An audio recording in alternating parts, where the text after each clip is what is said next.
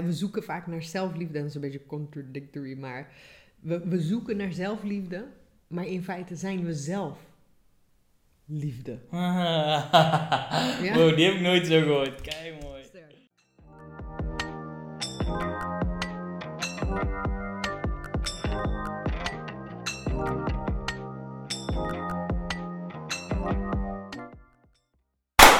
Welkom bij de Busgeniet podcast.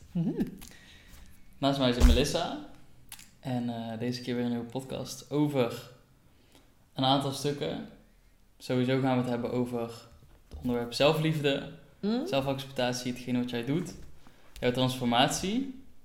En ja, let's go. Ik ben gewoon heel benieuwd. Leuk, leuk. Ik eh, begin altijd met de vraag, waar kun je echt bewust van genieten?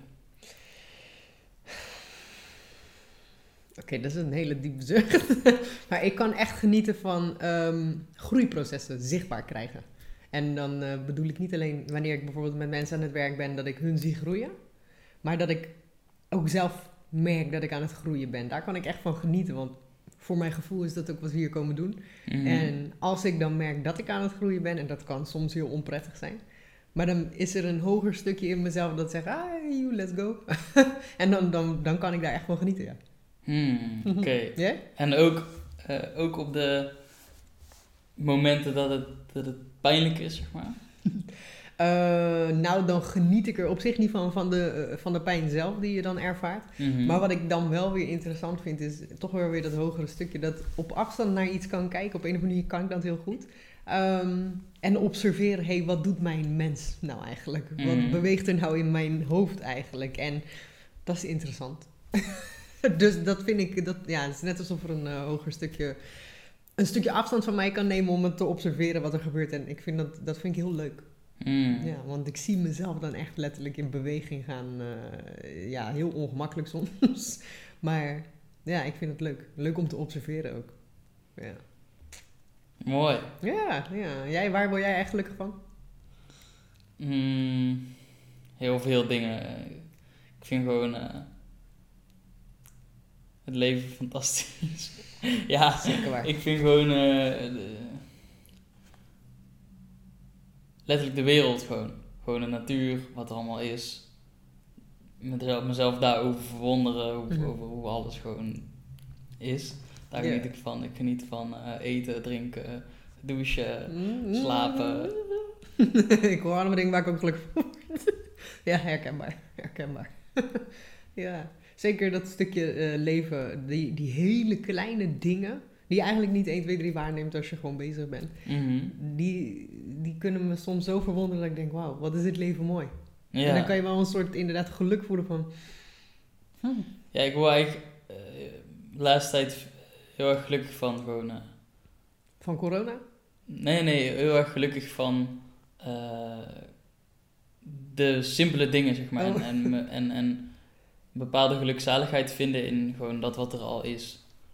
Dus eh, ja, we zijn natuurlijk allemaal heel goed in, eh, in ieder geval ik, eh, in doelen bereiken en Hmm. dingen achterna streven. En dat is ook belangrijk, daar geniet ik ook heel erg van. Ja, ja, ja. Maar ook gewoon van ja, genieten van de simpele dingen wat er al is. ja.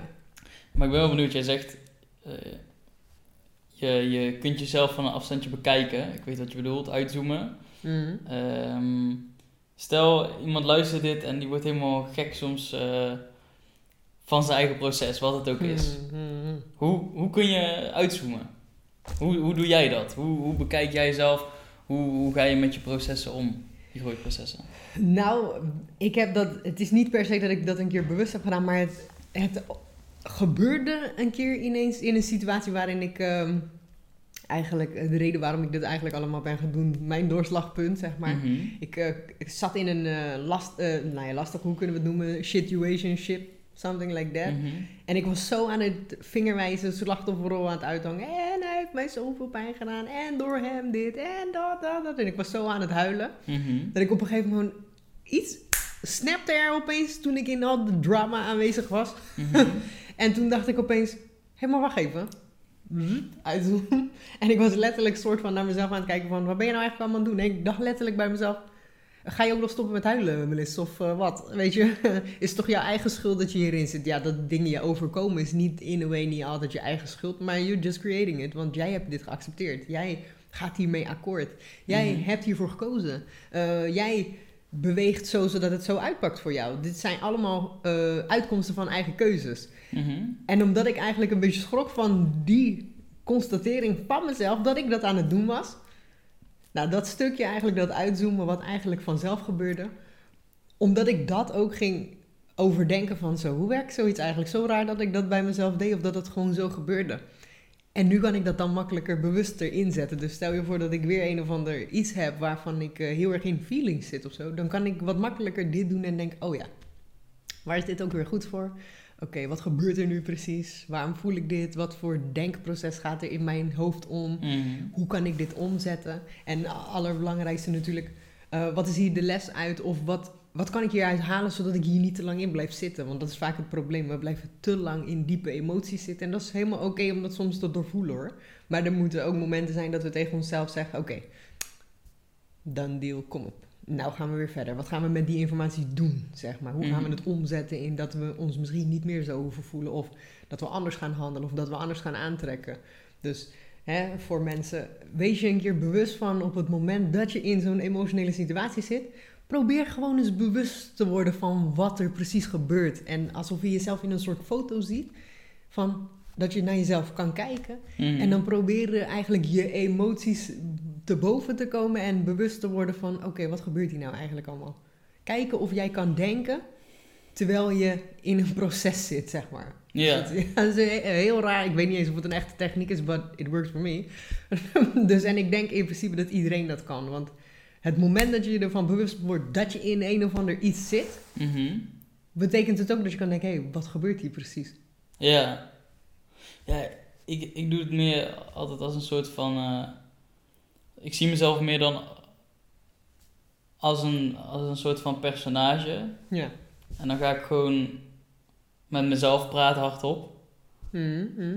En dan ja, vraag ik gewoon van, oké, wat is er nou eigenlijk allemaal aan de hand? Weet je wel? en dan ga ik ja, gewoon vragen aan mezelf stellen, waardoor ik helder maak wat er in mij leeft. En wat ik er eventueel aan kan doen of niet doen. Ja, ja, het komt eigenlijk op hetzelfde neer in principe. Ja. Ja. Dus je gaat een, een dialoog aan los van de situatie, zeg maar. Je bent die situatie aan het observeren, maar ook aan wat je aan het uitkramen bent, of wat je aan het doen bent, hoe je aan het bewegen bent, eh, hoe je overkomt. Dat zijn Mhm. eigenlijk dingen die je allemaal kunt observeren terwijl het gebeurt. Maar het vraagt wel enige bewustwording Mhm. en oefenen. Juist. Want het is, niet- het is niet makkelijk als je dat nog nooit gedaan hebt, zeg maar. Maar het, ja, het is een stukje reflectie natuurlijk. Maar het ook gelijk kunnen toepassen terwijl het gebeurt, observatie van jezelf. Het is Mhm. een erg interessant proces. Want soms zie je dingen van jezelf dat je denkt, oké, interesting. Daar gaan we eens even over nadenken dadelijk. dus zo. En eh, wat doe jij precies en, en hoe ben je daarbij gekomen? Je zegt van, hè, eh, ik ben hier door bepaalde gebeurtenissen mee Hmm. begonnen. Mhm. Wat doe jij voor mensen die jou niet kennen? Ja, nou ja, ik ben Melissa en ik eh, ben schaduwcoach en ik begeleid mensen tijdens hun proces naar zelfliefde. Door middel van innerlijk kindwerk, schaduwwerk, mindset coaching en kwantumhypnose. En ehm, wat ik eigenlijk doe is kijken naar de, we hebben, als we het hebben over schaduwwerk, ik weet niet of je bekend bent met schaduwwerk en innerlijk kindwerk. Beetje. Oké, nou ja. In mijn beleving is schaduwwerk en innerlijk kindwerk in grote lijnen hetzelfde. Als je zeg maar met trauma's aan de slag gaat of vervelende gebeurtenissen die in het verleden hebben plaatsgevonden in jouw jeugdtijd, die hebben vaak effect op, of vaak, nou ja, dat is eigenlijk je fundering van hoe jij nu beweegt in het leven. Ehm, door daar eigenlijk licht op te werpen, dus dat bewust te maken, het zijn namelijk onbewuste patronen onder, in je onderbewustzijn, die breng je eigenlijk naar je bewustzijnsveld. Dus je brengt eigenlijk wat in je schaduw ligt, breng je naar het licht. Mhm. Ja, dat maakt het gelijk milder, want mensen denken bij schaduwwerk: oh my god, het is zwaar, het is moeilijk, het is pijn, dit, dat. Laat maar gaan, demon. Eh, nee, het is gewoon eigenlijk het onderbewuste breng je naar je bewustzijnsveld, Mhm. zodat je er vervolgens mee kunt werken. Mhm. Nou, vind dat in jouw jeugd plaats, dan kunnen we teruggaan naar bepaalde jeugdstukken. Ehm, maar stel je voor dat jij op deze leeftijd nu een relatie aantrekt eh, die jou niet dient, laten we het even zo noemen, dan loop jij nu ook schade op. Snap je? Dus je Mhm. werkt nog steeds aan die onbewuste patronen, want je trekt nu ook partners aan die te maken hebben met waar je natuurlijk vandaan komt, met schade die je vroeger hebt geleden of niet. Ehm, dus je gaat of met dat bewustzijnstuk aan de slag, of je werkt in je kindertijd. Dus het is eigenlijk allebei ja, schaduwwerk. Alleen wanneer Mhm. is het, zeg maar, eh, wanneer heeft het plaatsgevonden, waardoor het nu eh, een rol uitmaakt in je leven. Ja. Nou, en dan heb je natuurlijk mindset coaching, want je kan natuurlijk met schaduwwerk en hinderlijke kindwerk kun je veel bewustwording creëren, maar ook veel heling laten plaatsvinden. Maar als jij bijvoorbeeld eh hield wat, stel je voor dat jouw moeder jou niet juist bejegend heeft vroeger en dat heb, je, eh, heb jij als schadelijk ervaren en jij laat nu patronen zien die daardoor komen. Nou, je kan heling laten plaatsvinden door daar dus mee aan de slag te gaan. Maar als jij je mindset, als jouw, je moeder nu nog steeds een trut vindt, daarom, ja, dan nee. Dan gaat het ook niet werken. Dan heeft het niet het gewenste resultaat. Dus wat heel veel belangrijk is, heel vaak belangrijk is, is dat je echt ook aan je mindset gaat werken. Want je mind gaat maken of jij iemand kunt loslaten, Mhm. vergeven, een nieuwe kans kunt geven. Of dat je zegt, nee, daar heb ik juist van geleerd, dat was hartstikke goed. Hè? Mhm. Als je het verschil leert kennen tussen dat het je aan wordt gedaan of voor je wordt gedaan, dat makes sense. Maar dat is een mindset. Want als je nog in de slachtofferrol zit, weinig kennis hebt van persoonlijke ontwikkeling, trauma, al dat soort dingen, dat die, eh, dat die processen invloed op jou hebben, dan zit je vaak in het stukje, hey, iemand heeft mij dat aangedaan. Mhm. Terwijl als jij ehm, meer bewustwording krijgt over die situatie en je daar ook hè, jezelf mee, hoe zullen we het zeggen, Ehm, beter in begeleidt, dingen beter snapt, Mm, dingen beter mhm. gaat doen, dan kun je uiteindelijk ook eh, meester worden eigenlijk over je eigen mindset natuurlijk. Want jij bepaalt dan of dat je in een slachtofferrol gaat zitten en dat het je aan wordt gedaan, iemand heeft Mhm. me iets aangedaan. Of dat je zegt, nou het is voor mij gedaan. Het was geen leuke situatie, maar ik heb er iets van geleerd waar ik nu weer wat mee kan. Mhm. En dat waar ik wat mee kan betekent dus, er zat dus een potentie in. Dat vervelende stukje. Ja. Oh, nou dan is het misschien toch wel goed dat het gebeurd is. Dus wordt het je aangedaan of wordt het voor je gedaan? En met mindset ga je natuurlijk, beweeg je natuurlijk toe naar het stuk dat je eigenlijk alles gaat leren zien als dat het voor je wordt gedaan. Als in de zin, wat is de les die ik eruit heb gehaald die ik nu in mijn kracht kan zetten. Ja. Nou zo, en hypnose natuurlijk, eh, ja, dat zorgt ervoor dat je die onderbewuste stukken vaak nog wat meer naar de oppervlakte kunt krijgen, zodat je daar ook mee aan de slag kunt gaan. In zowel het verleden als het heden, als ook in de toekomst. Want dat is natuurlijk kwantumhypnose, daar eh, werk je eigenlijk met potentiële tijdlijnen, zowel vroeger, zoals we dat noemen, of in de toekomst. Hè? Wie Mhm. wil je uiteindelijk gaan worden in je leven? Wat is daar het complete plaatje bij? Leren dat naar je toe te trekken. Nou, dus daar kun je hypnose techniek op eh, inzetten. Nou, dat is eigenlijk wat ik doe met mensen. Mooie combinatie. Dank je. Vind, ik, ook- vind ik ook. het werkt Dus goed het dus. Dus het is eigenlijk, eh, als ik hem zelf, om je goed te begrijpen, als ik hem samenvat, eh, ga je kijken met mensen naar hun verleden van oké, what's happened daar, waardoor jij nu in een bepaald probleem zit of een situatie zit die heel lastig is of die je heeft beschadigd.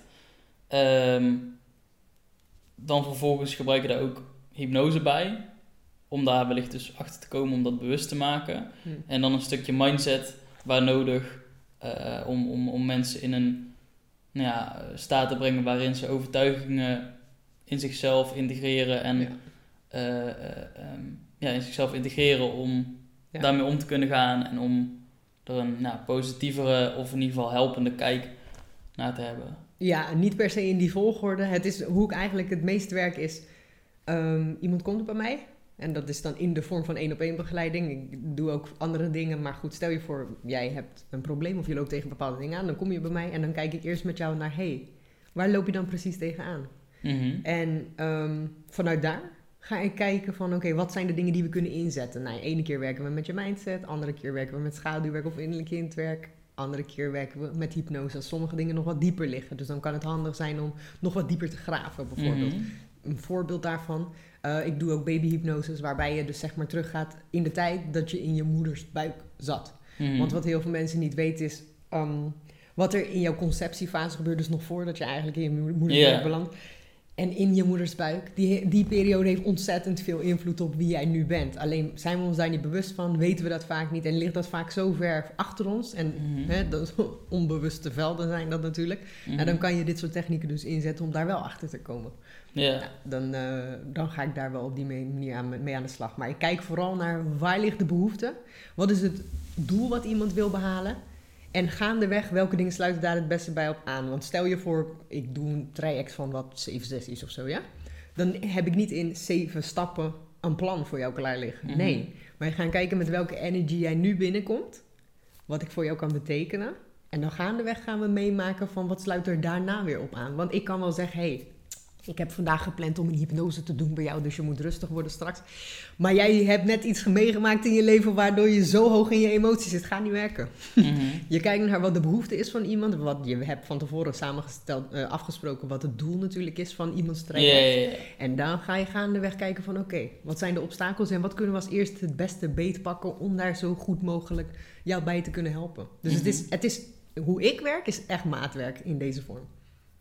Oké, en helder. Hoe eh, is jouw reis hierin gestart? Nou ja, goed. Ik, hè, eh, ik ben zelf niet in een gouden nest hier op aarde beland. Ofwel, ehm, ik kom uit een gebroken gezin. Mijn vader ehm, was eigenlijk al vrij snel nadat ik geboren was eh, teruggegaan naar Australië. Mijn moeder was dus alleenstaande moeder. Nou ja, met heel veel gevolgen van dien in die tijd. Mijn moeder had zelf heel veel trauma's waar ze nog nooit naar gekeken had. Waar ze, mijn moeder is Surinaams. Eh, heel veel in haar eigen kindtijd, veel problemen gehad. Ehm, met alle gevolgen van dien. Moeder was denk ik 22 toen ze mij kreeg, 20 toen ze mijn zus kreeg. Nou, als jij nog helemaal niet aan je, naar je schaduwkanten hebt gekeken, bij wijze van spreken. Of bijvoorbeeld niet weet wat generationele trauma is. Of nog aan het dealen bent hoe jouw eigen moeder en vader jou behandeld hebben. En jij krijgt dan kinderen, dan doet dat wat met je kinderen. Maar Ja. ook met de manier waarop je met ze omgaat. Dus mijn moeder heeft vanuit haar eigen trauma's heeft ze ons grootgebracht. Met alle gevolgen van dien. Dan liepen wij door haar ook bepaalde trauma op. Maar eh, we hebben met veel dingen te maken gehad. Ik ben eh, denk ik eh, negen keer verhuisd. Ik heb op zes verschillende basisscholen alleen al gezeten. Nou, hè, basisschool gaat tot groep 8. Doe maar een Mhm. som maken daarvan. En ehm, ja, hui- een stukje huiselijk geweld, een stukje misbruik, kinderthuis. Dus maar allerlei ingrediënten die ervoor moeten zorgen dat jij waarschijnlijk twijfelt aan jezelf, een laag zelfbeeld hebt, niet voldoende goed uit de verf kunt komen om je potentie te laten zien, omdat die mogelijkheden daar gewoon niet voor zijn. Eh, niet de liefde krijgen die je nodig hebt, niet gehoord worden op de manier die je nodig had. Ik was, eh, ik was acht jaar, toen kreeg ik echt wel eh suïcidale gedachten. Ehm, ik praktiseerde dat ook. Maar dan niet zozeer omdat ik echt klaar was met dit leven. Maar omdat ik die edge feeling wilde ervaren. Ik wilde voelen hoe het was om dat, dat zelf in handen te hebben. Nou ja, goed. Dat, die dingen deed ik op die jonge leeftijd. Maar het is ook he- geen gek iets. Want ja, als je uit een verstoorde situatie komt... dan, ja, dan, dan, dan heeft dat het effect op mij gehad. Laat me het zo zeggen. Mhm. Nou ja, oké, goed. Hè, kom je uit een niet gezonde basis, dan resulteert dat ook in relaties die je later op latere leeftijd gaat aantrekken, die vaak ook niet ehm, gezond zijn. Dus je trekt bijvoorbeeld toxic relaties aan. Nou, dat deed ik dus ook. En uiteindelijk, nou ja, goed, weet je. ehm, uiteindelijk kwam ik dus in de, die, destijds die laatste relatie terecht. Dus waarin ik dus in eigenlijk niet eens een relatie, maar het was een situatie, probleem, situationship. Ehm, wat uiteindelijk. Ja, ik raakte zo geëmotioneerd daardoor dat ik op een gegeven moment dus die uitzoommoment kreeg en dacht van wacht even dit is de slachtofferrol. En hoe lang is dat geleden? Ik denk dat ik toen. Oeh. Eh, oeh. Ehm, zo, dus, volgens mij was ik 28. Oké, dus zeven jaar ongeveer. Something like that. Ja, ja, ja, ja. Dat ding daarvoor heeft langer geduurd, maar dat was wel Ja, het ja, moment ja. dat ik zei hier en niet verder. Want ik ging op een gegeven moment nadenken over ja, en wat een ramp. En ik voel me zo, weet je wel, ik stond nooit op nummer 1. Terwijl ik echt wel een mainvrouw ben, hell yeah. Weet je, ik, maar het was duidelijk dat ik mijn eigen waarde blijkbaar niet kon. Mhm. En dat was het, een realisatiemoment toen ik op een gegeven moment realiseerde, ik zit zo erg in de slachtofferrol. Het is niet erg, maar het is wel goed dat ik realiseer dat ik dat aan het doen ben. Want dat betekent ook, als ik me er bewust van ben, dat ik het ook kan gaan leren omdraaien naar verantwoordelijkheid nemen. En op een gegeven moment, eh, ehm, ja, kwam dat besef dus. En toen dacht ik van, oké, hoe kan het dan zijn dat ik zo erg over mijn eigen grenzen heen laat gaan in een relatie? Ja, is niet gek, want ik weet niet hoe het is om een vader te hebben, hoe het is om een manspersoon in je leven te hebben. Want mijn moeder die had ook nooit een vaste vriend of zo. Ze heeft ons altijd alleen opgevoed. En ze zei ook vroeger altijd tegen ons, alle mannen zijn slecht. Ze willen alleen maar één ding van jou. Ehm, dus weet, kijk uit.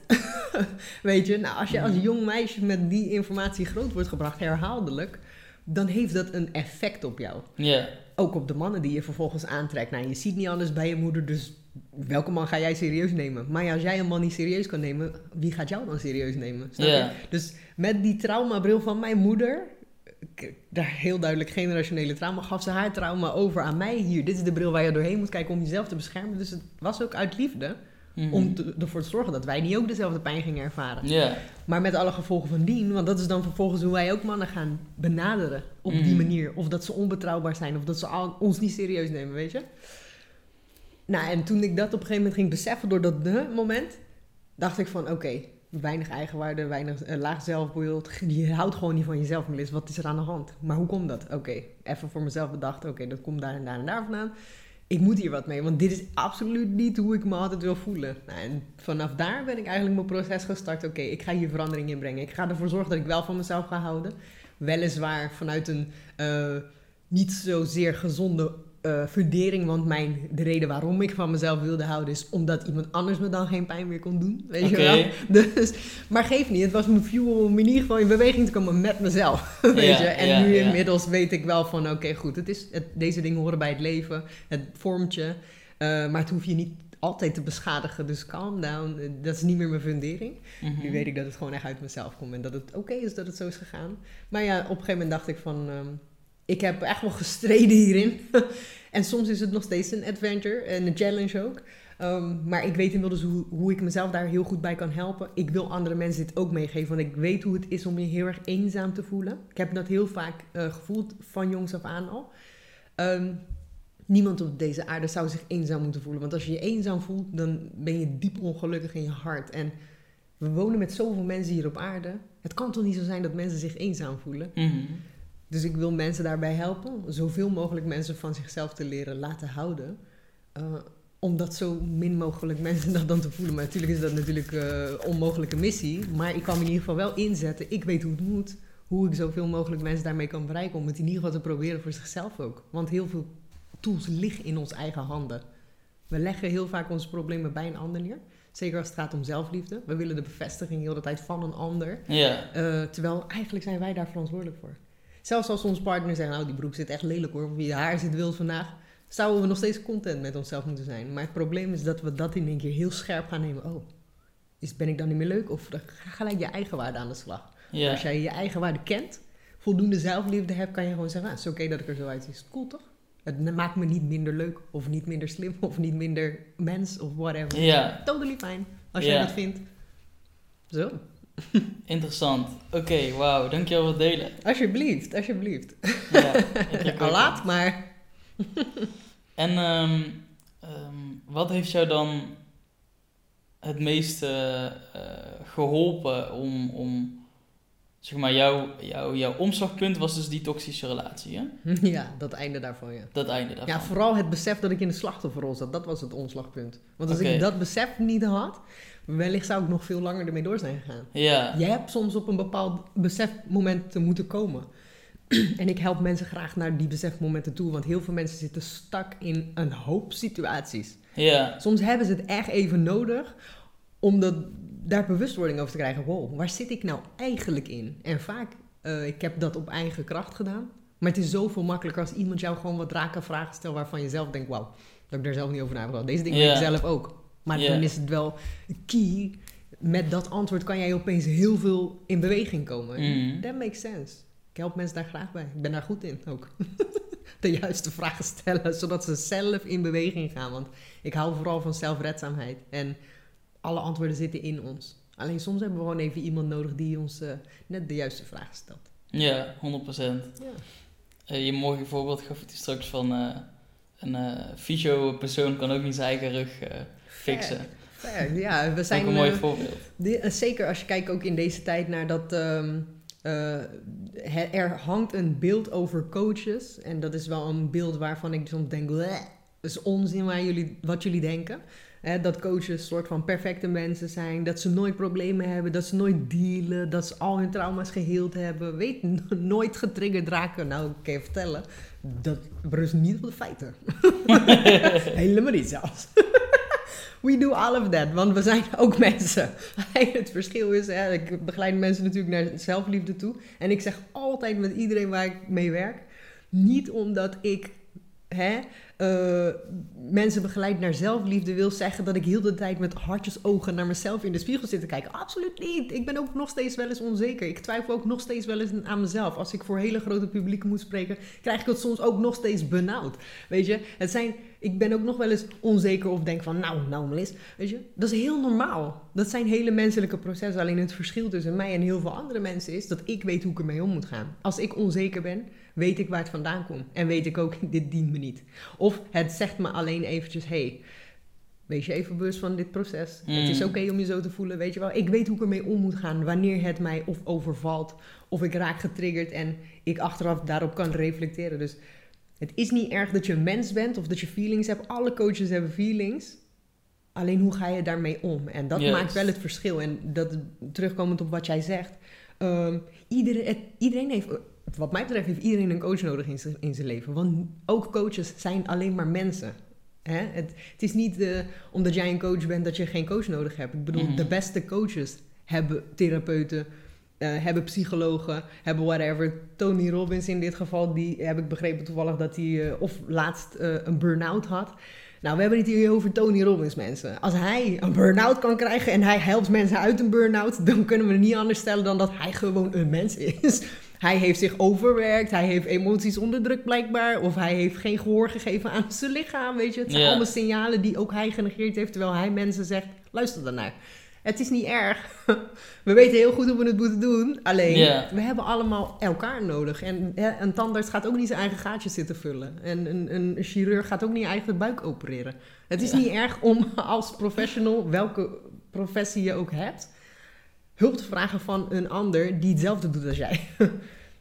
en dat is helemaal oké. En voor mensen die daar naartoe kijken, wij zijn ook mensen. en dat is heus niet erg. Mhm. Ik zou zeggen, schaam je er ook vooral niet voor. Want ehm, ik ben juist iemand, ik vertel juist graag heel veel over waar ik zelf mee deal of mee heb gedeeld. Of de dingen die ik bijvoorbeeld heb gedaan.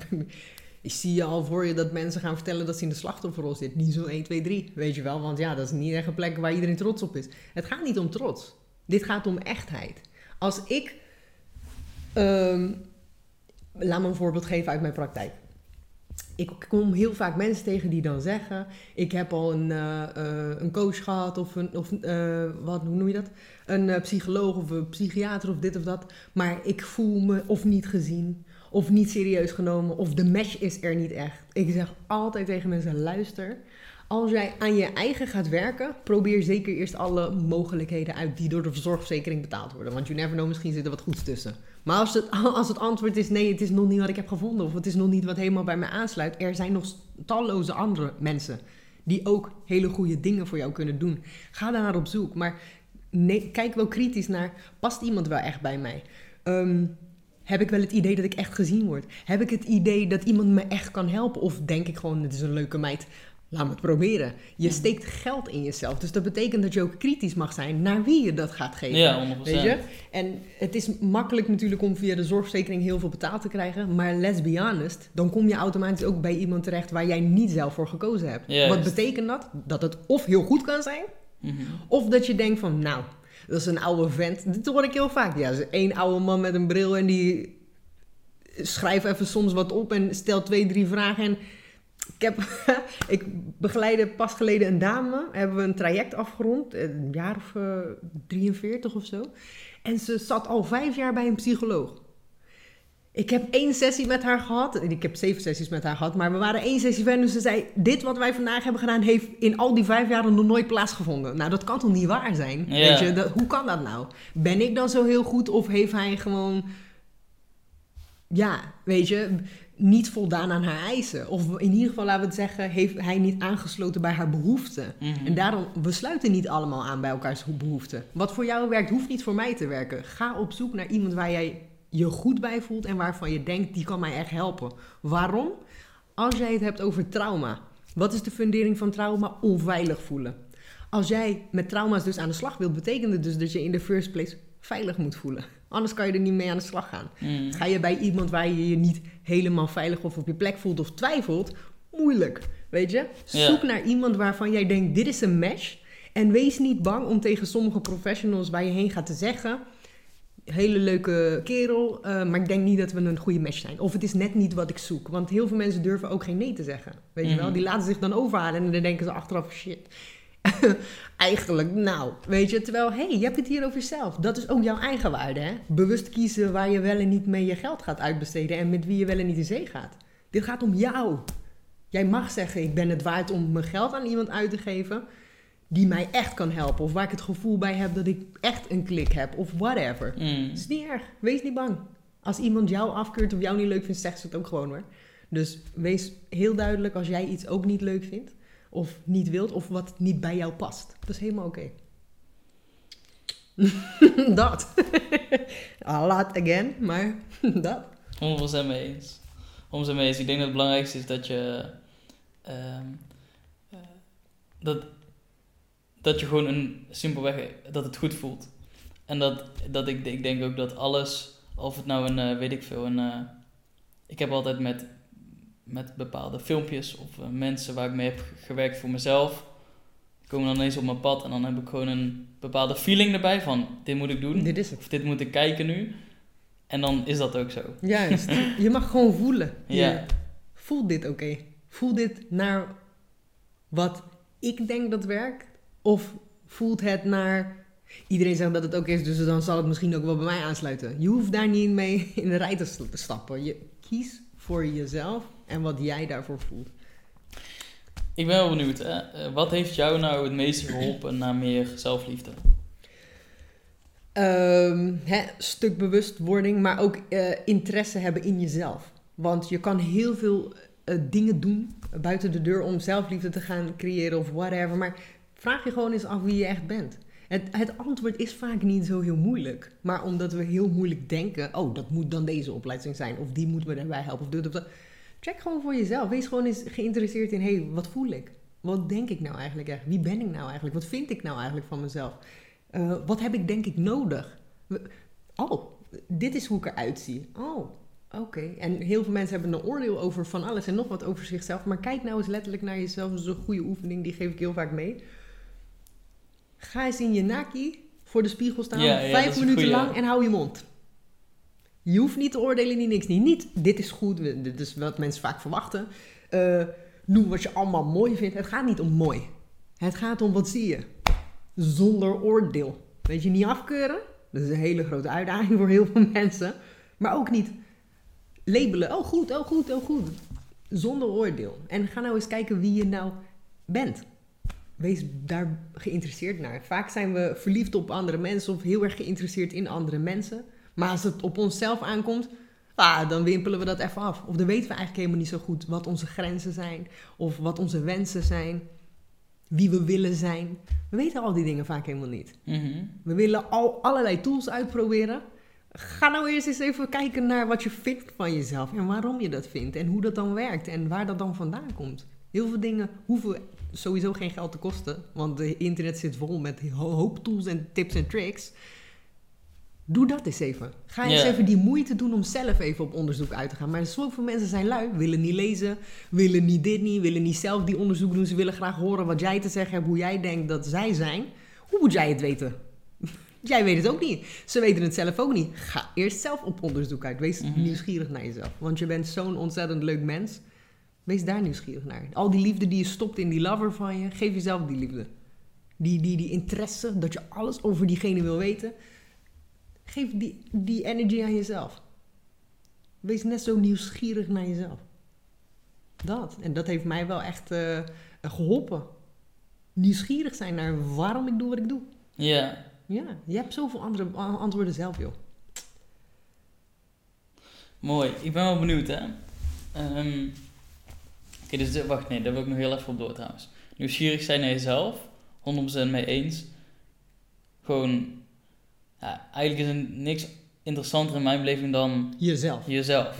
Maar snap je? Maar dan in de zin van gewoon, zeg maar, weet je wel, heel jij, zeg maar. Er zijn zoveel aspecten van jezelf. Hmm. En hoe meer je dat gaat onderzoeken, hoe meer je erachter komt dat jij zelf en zeg maar, het, zeg maar, er zijn ook heel veel dingen interessant in het leven. Ja, Maar jij bent het leven, zeg maar. snap je. Het is zo leuk. Oké. Jij komt hier voor jezelf. Ja. Dan ga je op andere mensen letten. Je hebt geen tijd daarvoor. Het leven is kort. Wees geïnteresseerd in jezelf. Dan heb je al een busy job genoeg, geloof me. Ja. Je hebt je handen al vol aan jezelf.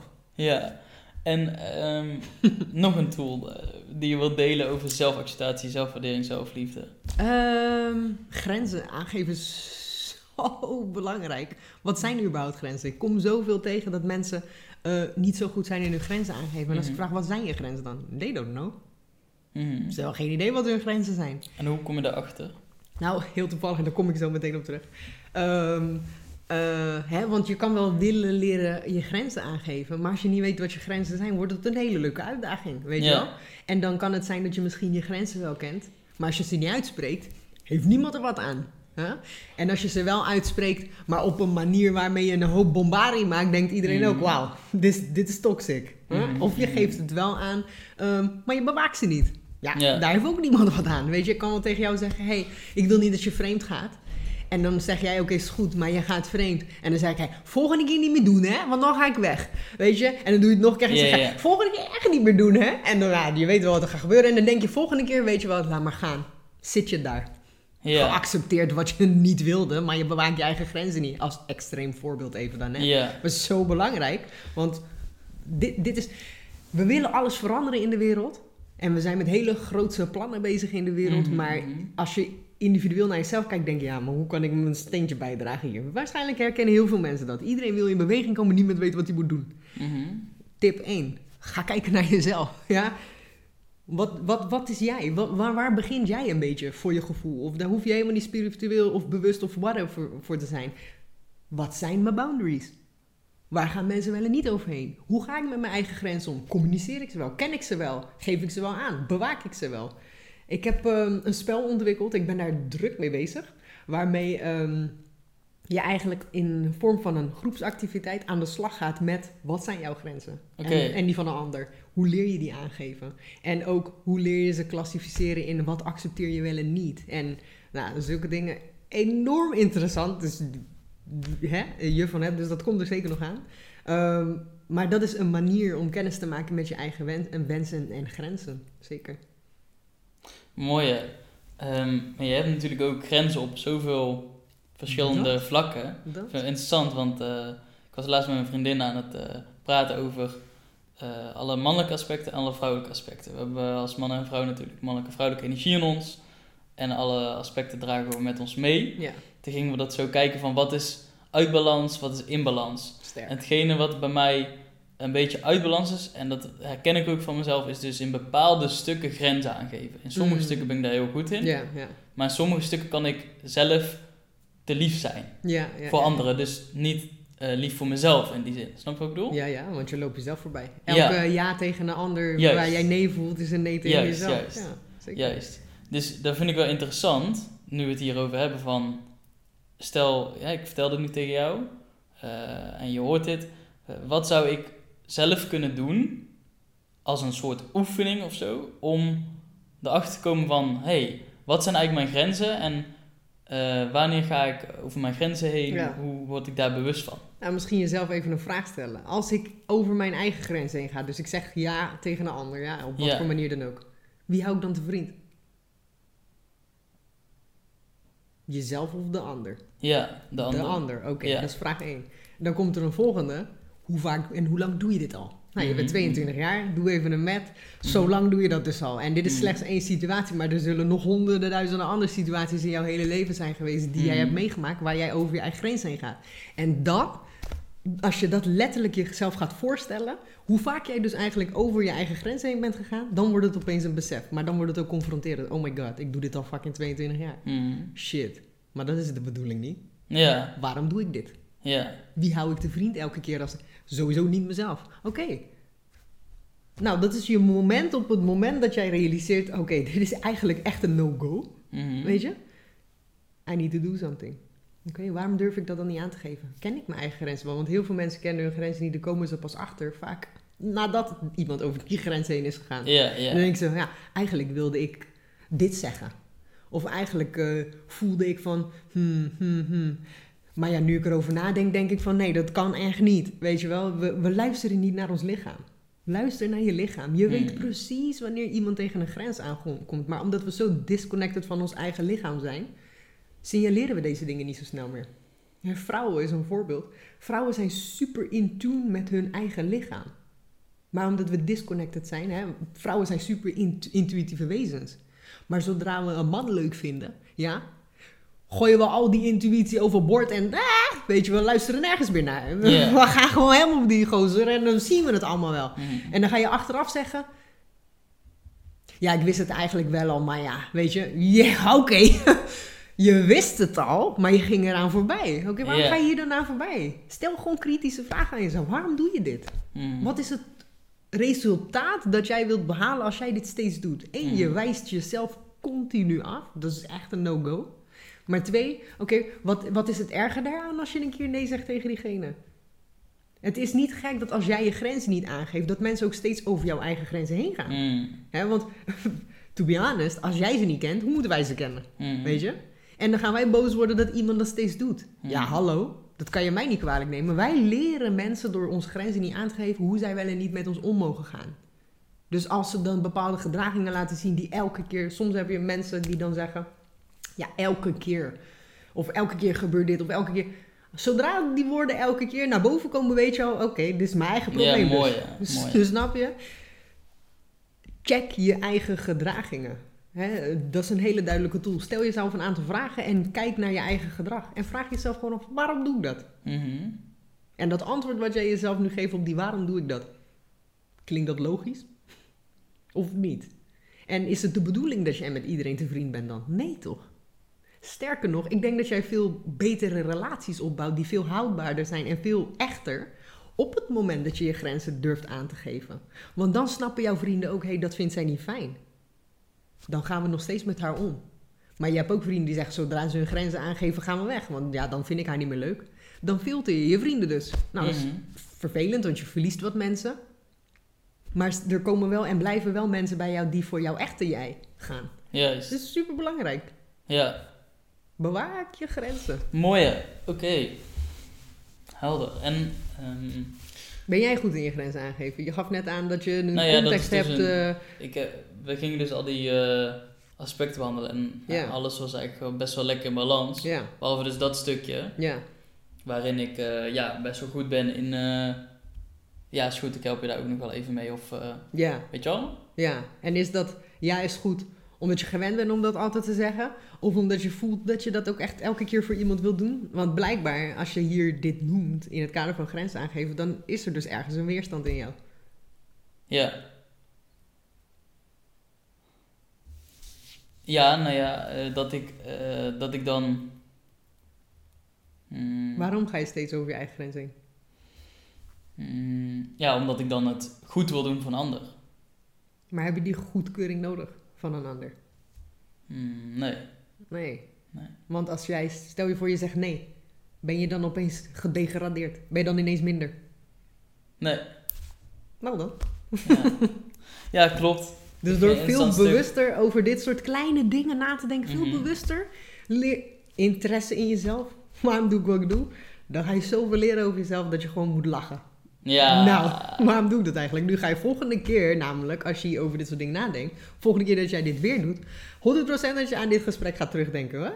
Of je nou de keuze wel of niet maakt, dat maakt niet uit. Mhm. Maar het feit dat het al in je bewustzijn zit van, oh ja, dit is mijn grens. Hoe, hoe ga ik hier dit keer mee om? En als, er, als je er weer overheen gaat, denk je achteraf, oké, waarom heb ik dat precies gedaan? Het is niet erg. Hmm. Nobody dies als je dat doet. Alleen als je dat te vaak doet, zit jij straks met een burn-out. Omdat jij continu over je eigen grenzen heen gaat. Ja. Gewoon bewustwording over jezelf. En met de intentie om vervolgens beter voor jezelf te gaan zorgen. Mhm. Je hebt jezelf nodig. Als jij dit lichaam straks niet meer hebt, then you're not here anymore. dus. Ja, toch? 100%. Mhm. Hmm. Je bent net zo leuk hoor, geloof me nou. Ehm, hoe, eh, hoe, hoe, hoe heb jij eh, vervolgens, hoe ben je vervolgens omgaan? Hè? Je bent uit die eh relatie gekomen en allemaal eh, bewustwording vanuit daar. Mhm. Eh, vervolgens ben jij eh, op een gegeven moment jouw bedrijf is gestart. Ehm, en hoe, hoe, kijk, hoe kijk jij nu naar... Ik kan me voorstellen dat heel veel... eh, nou ja, dat brengt gewoon heel veel stukken met zich mee. Hoe kijk je nu naar relaties of mannen op dit moment vanuit jou? Nou, Kom je daar nog stukken tegen? eh, Tuurlijk. oh ja, tuurlijk. ik moet gelijk lachen. Altijd een uitdaging. Nee, maar wat ik heel erg... eh, eh, eh, twee dingen. Hoe ik weet dat een relatie relatief goede relatie is... En hoe eh, ik weet dat ik ook nog steeds trauma ervaar in mijn lichaam wanneer ik in een relatie zit. Kom op allebei de stukken. Oké, hoe weet je of een relatie eh, is een, een check voor jezelf? Of je wel of geen goede relatie hebt. Ik kwam erachter, nadat ik die relatie dus had beëindigd, tijd daarna, kwam ik iemand tegen. Ehm, en dat is echt een gezonde relatie, oké? Gezonde relatie. Dat is het moment toen ik die ging aantrekken en toen ik daar eh, een relatie mee kreeg. Was dat het moment dat ik me heel erg realiseerde: oké, this is the definition of a good relationship. Waar zit Mm. het hem dan in? Het verschil tussen als jij in een toxic of een relatie die je niet dient, laten we het zo zeggen. Als jij in een relatie zit die jou niet dient, ben je heel vaak bezig met de ander. Ben je aan het kijken, oh, ben ik wel goed genoeg voor hem? Eh, Tenminste, dat is wat ik deed. Maar ik betrek het even op mezelf. mhm. Oh, vindt hij me wel leuk genoeg? Oh, zie ik er wel mooi genoeg uit? Oh, eh, zal ik dat voor jou goed regelen? Weet je wel, zodat hij heel goed weggezet wordt. En Mm. ondertussen raakte ik compleet vervreemd van mezelf. Mijn eigen behoeftes, mijn eigen wensen en grenzen.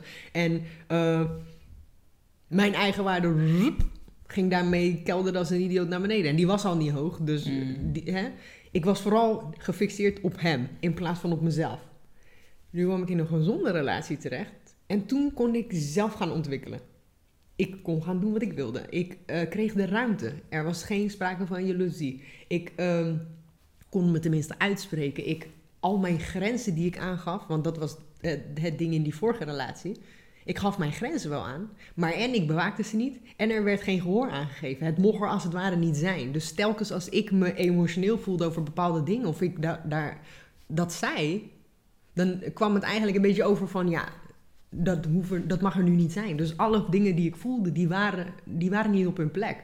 In deze relatie kon ik precies zijn wie ik was. En met al die feelings en al die dingen. Dus verschil tussen een relatie die je niet dient en die wel eh, goed is voor jou, is dat je aan jezelf mag werken.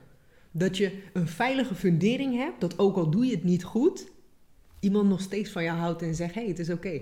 Yes. In plaats van dat iemand jou afkeurt op, ja, dit wil ik niet. Dan ga ik Mhm. iemand anders zoeken. Weet je, that makes a Mhm. lot of sense. Wanneer je op Mhm. een ander bent gefocust of dat je ruimte krijgt om zelf te groeien. Oké, dat. Maar omdat ik gewend ben, komen we gelijk terug op dat tweede stukje. Hoe merk ik dat ik ook nog steeds trauma in me heb in mijn gezonde relaties? Dat ik ook getriggerd raak.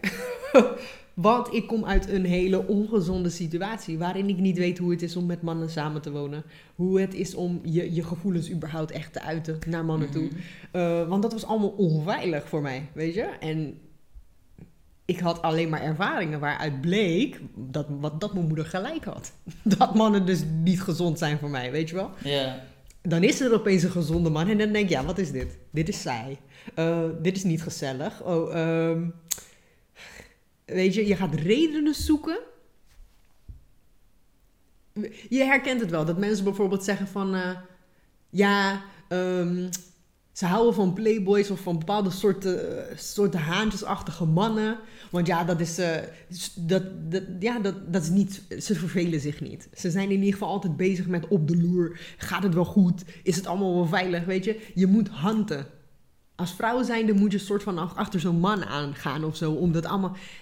Weet je, die soort van uh, aantrekken, afstoten dynamiek. Mm -hmm. Die had ik helemaal niet in deze relatie, want ik mocht gewoon juist veilig zijn, weet je. Yeah. Maar omdat het juist veilig was en ik eigenlijk dat andere gewend was, ging ik dat projecteren op die gezonde relatie. Ho, dit ken ik niet. Nou, dan krijg ik weerstand. Want wat ik niet ken, dat is buiten mijn comfortzone om. En alles wat buiten ons comfortzone om is, zegt, dit is niet veilig. Ja. Onveilig in mijn lichaam. Mijn lichaam Okay, reageerde ja, ja, daar compleet over. Met alle gevolgen van die natuurlijk. Ja. Dus ja, ik heb daar de nodige uh, weerstand in meegemaakt. Mm -hmm. Maar het is echt een grote uitdaging. Als je uit ongezonde situaties komt en je bent, uh, wat ik was 31 toen ik hem leerde kennen. Dan pas iemand te lijf loopt die wel gezond is. Ja, dan ben je super beschadigd. Dan denk je dat dat normaal is. Dat is helemaal niet meer normaal. Maar ja, zie, omdat je daar kopingsmechanismen mee hebt, je weet hoe je ermee om moet gaan. Hier weet niet hoe ik mee om moet gaan met veilig. Nou, weet je wat, doei. Hier hebben we geen tijd voor. Ja, dan ga je sabotage mechanismen laten zien. Dingen doen die ervoor zorgen dat er problemen komen. Of uh, hè, zulke dingen. Mm. Ja, tuurlijk. Ik ben een mens. Ook al werk ik aan dit soort dingen. Uh, ik word ook nog dagelijks geconfronteerd met mijn eigen schaduw. Maar ook met mijn eigen patronen. En mm. ook met mijn eigen uh, triggers. Ja, 100%. Mm-hmm. Het is dan de kunst aan mij. Hoe ga ik ermee om? Oh, ik zie dat ik getriggerd ben. Oh, ik zie dat ik dit of dat doe. Oh, ik zie dat er zo of zo gebeurt. Mm. Ga ik vluchten? Omdat ik dit niet gewend ben? Ga ik redenen verzinnen uh, dat hij niet goed is om die en die en die redenen? Omdat ik me niet veilig voel in een veilige situatie? Of ga ik me er bewust van worden van... hé, hey, het is een veilige situatie. Dat voelt voor mij onveilig. Daar krijg ik een lichamelijke reactie van. Oké, rustig aan. Dit is gewoon slechts trauma dat zich laat zien... omdat je hier niet mee weet om te gaan. Het is oké. Dit is wel veilig belist. Die pijn was van vroeger. Een stukje innerlijk kindwerk. Je bent veilig. Je bent getriggerd. Ik ga dit oplossen voor ons op een volwassen manier, zodat jij als kind weer gewoon rustig kunt spelen en we gewoon weer verder kunnen gaan. En dat is een ontzettend grote uitdaging als je je getriggerd voelt en onveilig. Want als je je onveilig voelt, ga je in verdedigingsmechanisme, ga je in overlevingsstand. Ga je allerlei dingen doen om jezelf veilig te stellen. Mhm. Maar door die bewustzijn weet je daar steeds meer invloed op uit te oefenen op dit soort patronen. Dus. Maar die kom je echt pas tegen op het moment dat je ermee te maken krijgt. Ja. En dan is die bewustwording dus belangrijk. Dat je voldoende informatie over jezelf kent. Dat stel je voor dat ik in zo'n situatie terechtkom, weet ik in ieder geval mezelf rustig te houden. Tenzij er echt nood aan de man is, hè, dan moet je gewoon move. Maar wat je vaak ziet met uh, mensen die uit toxische relaties komen, die gaan zelf toxic creëren. Hmm. Omdat dat is wat ze kennen, daar kunnen ze mee omgaan. Als je dat herkent bij jezelf, oké, calm down. Maar dat vraagt ook een partner van je die dat ook kan. En dan moet ik zeggen dat mijn partner uh, systemisch werker is. Hij doet familieopstellingen, uh, werkt ook met trauma's en hypnose en alles erop en eraan. Dus ik heb gewoon heel erg geluk gehad, of geluk gehad, ik heb dat aangetrokken.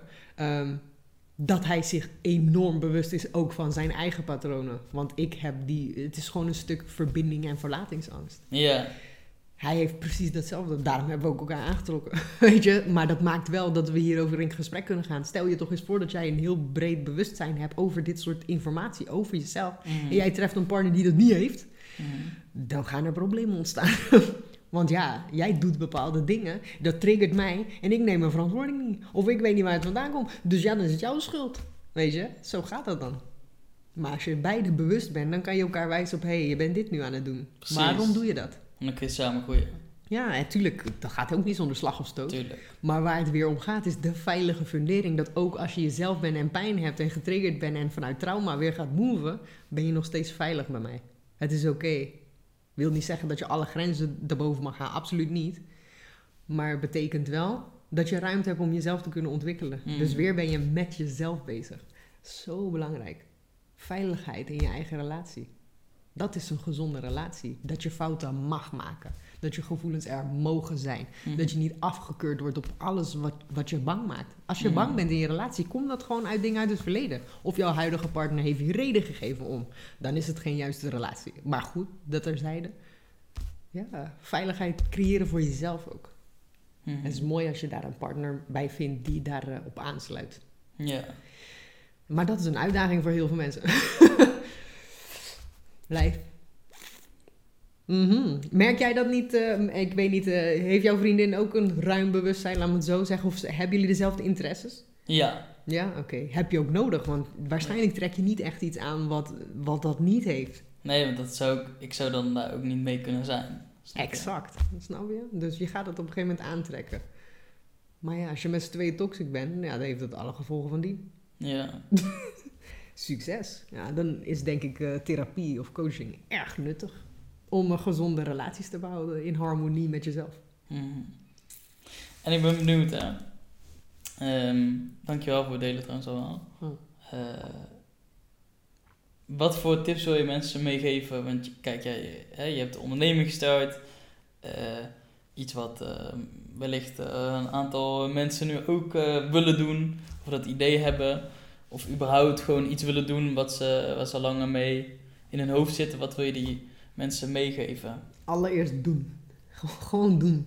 De reden waarom heel veel mensen uh, uiteindelijk iets niet doen is omdat ze bang zijn of twijfelen aan zichzelf. Maar denk, elke ondernemer twijfelt aan zichzelf. Elke ondernemer heeft angsten. Elke ondernemer. Alleen het verschil is, ze doen het of ze doen het niet. Mm That makes uh, the difference. Want ja, als je je laat leiden door je angsten, dan ga je nooit iets doen. Er is zo'n. Uh, ken je de, um, uh, de meest vruchtbare plek op aarde?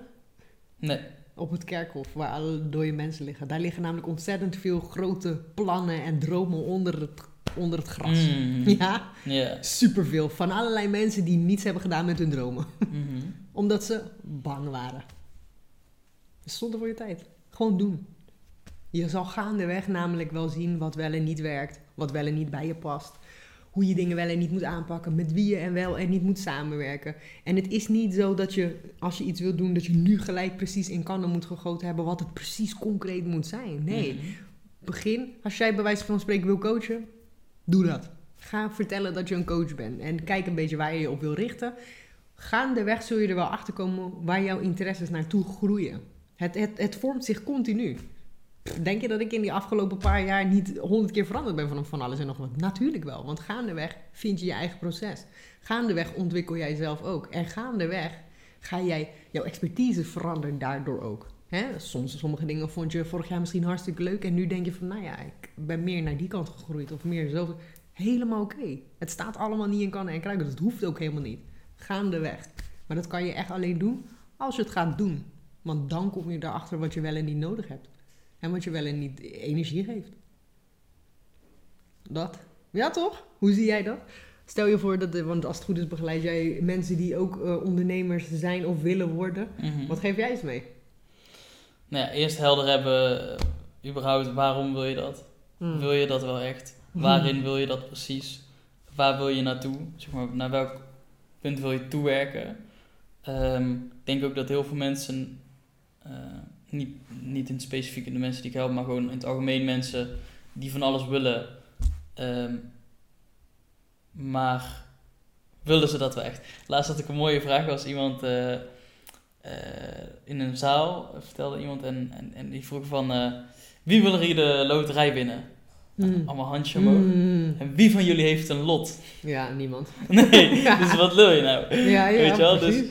Dus, zeg maar, wil je dat wel echt? Kun je omgaan met verantwoordelijkheid, et cetera, et cetera? Ik denk dat je dat allemaal goed moet weten. Maar als je het echt wil, dan sluit ik me 100% aan bij jou. Ga het gewoon doen. Dus maak helder wat je wil, Ja. wie je wil helpen, waarmee je wil helpen. En wat jouw unieke manier is om deze mensen te helpen. Ja. En ga het dan gewoon doen. Ja, ik, ja, uh, ja, ja. Uh, maar heel veel mensen willen wel iets, maar die hebben dat allemaal nog niet helder. Ja. Ga dan kijken naar waar je zelf energie van krijgt. Of wat je zelf leuk vindt om geleerd te krijgen van een ander. Waar liggen je interesses? Wie ben je? Wat heb je meegemaakt in je leven wat je wellicht als fuel of als Mm. leidraad kan gebruiken? Want dan gaat het zich vanzelf vormen. Juist. En het, het is zo dat je bepaalde dingen concreet moet hebben voor je echt een bedrijf kan starten. Maar just do it. Want wanneer je het doet, dan komt dat gaandeweg ook wel. En um, juist omdat mensen dat vaak nog niet helder hebben, blijven ze ook stagneren ze. Ze komen niet in beweging omdat ze dat niet helder hebben. Maar juist als je gewoon gaat, dan, hè, dan vormt het zichzelf. En wat ook zo is, is dat je zelfvertrouwen door die oefeningen die je... Ja, je hebt een aantal dingen geprobeerd die niet werken.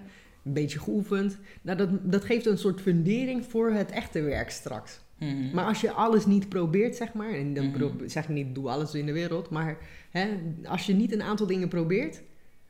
kom je ook niet op die basisfundering... waar je straks verder uit voort kunt bewegen. Uh,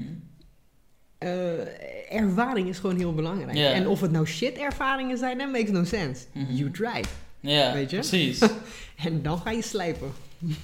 ja. Zo, dus ja, helemaal mee eens. Maar het gaat zich wel gaandeweg zo concreet maken. Dat wel. Kijk gewoon waar je blij van wordt. Wat je mee hebt gemaakt. Een hele belangrijke. Want heel veel mensen gebruiken hun, wat ze hebben meegemaakt in hun leven als fuel. Ik, geef, ik begeleid mensen naar zelfliefde omdat ik zelf weet hoe het is om niet van jezelf te houden. Ik heb daar niet voor geleerd. Ja, inmiddels heb ik heel wat uh, studies en cursussen en al dat soort dingen gedaan. Maar daarvoor heb ik niet gestudeerd in zelfliefde. Nee. Maar omdat ik de pijn ken, weet ik wel, hé, hey, dat, daar wil ik een ander mee helpen. Hoe ik dat ga doen, maakt nog niet zoveel uit. Wie ik daar precies bij wil hebben, is ook nog niet zo van belang. We gaan gewoon kijken, wat heb ik al en waar kan ik nu al wat mee? En dan ga je langzaam centreren. Geef het tijd om te groeien richting dat specifieke. Het is Mhm. mooi als je het concreet hebt. Maar als je daar nog niet bent, Mhm. geef jezelf die ruimte om dat te ontwikkelen. Maar zit niet stil, want als je stil zit, gebeurt het ook niet. Yep. Het gaat nooit komen. het gaat niet uit de lucht vallen. Just do it. En dat vraagt ook een beetje zelfvertrouwen, een beetje zelfliefde, een beetje power. Let's do this. En geef jezelf geregeld een schop onder je hol. Hou jezelf scherp wat je net zei. Neem je de verantwoording wel. Ja. Je wil iets, dan moet je dat ook echt doen. En dat is wel iets eh, wat mensen vaak onderschatten met ondernemen. Mhm. Ze denken, ah, joh, jij zit hier even filmpjes op te nemen. Wat? Je hebt geen idee wat daar allemaal achter zit. Ik weet het zelf, want ik heb ook een YouTube-kanaal. Dus ik weet hoeveel het van je kan vragen. Mhm. Laat staan als je het professioneel gaat aanpakken en er erg een groot bedrijf van gaat maken. Er Mhm. komt zoveel bij ondernemen kijken. Maar begin ergens. Ja. Mooie. Mhm. Ik, eh, ik wil langzaamaan afsluiten. Ik heb altijd Mhm. één laatste vraag. Ben benieuwd. Wat is hetgene wat jij voor de mensen die nu dit gesprek hebben geluisterd en die nog steeds luisteren wil eh, meegeven vanuit hun hart, vanuit jouw hart? Ehm, wat ik wil meegeven uit mijn hart. Wauw. Dat is een hele grote, want ik heb een groot hart. maar ik denk. ehm,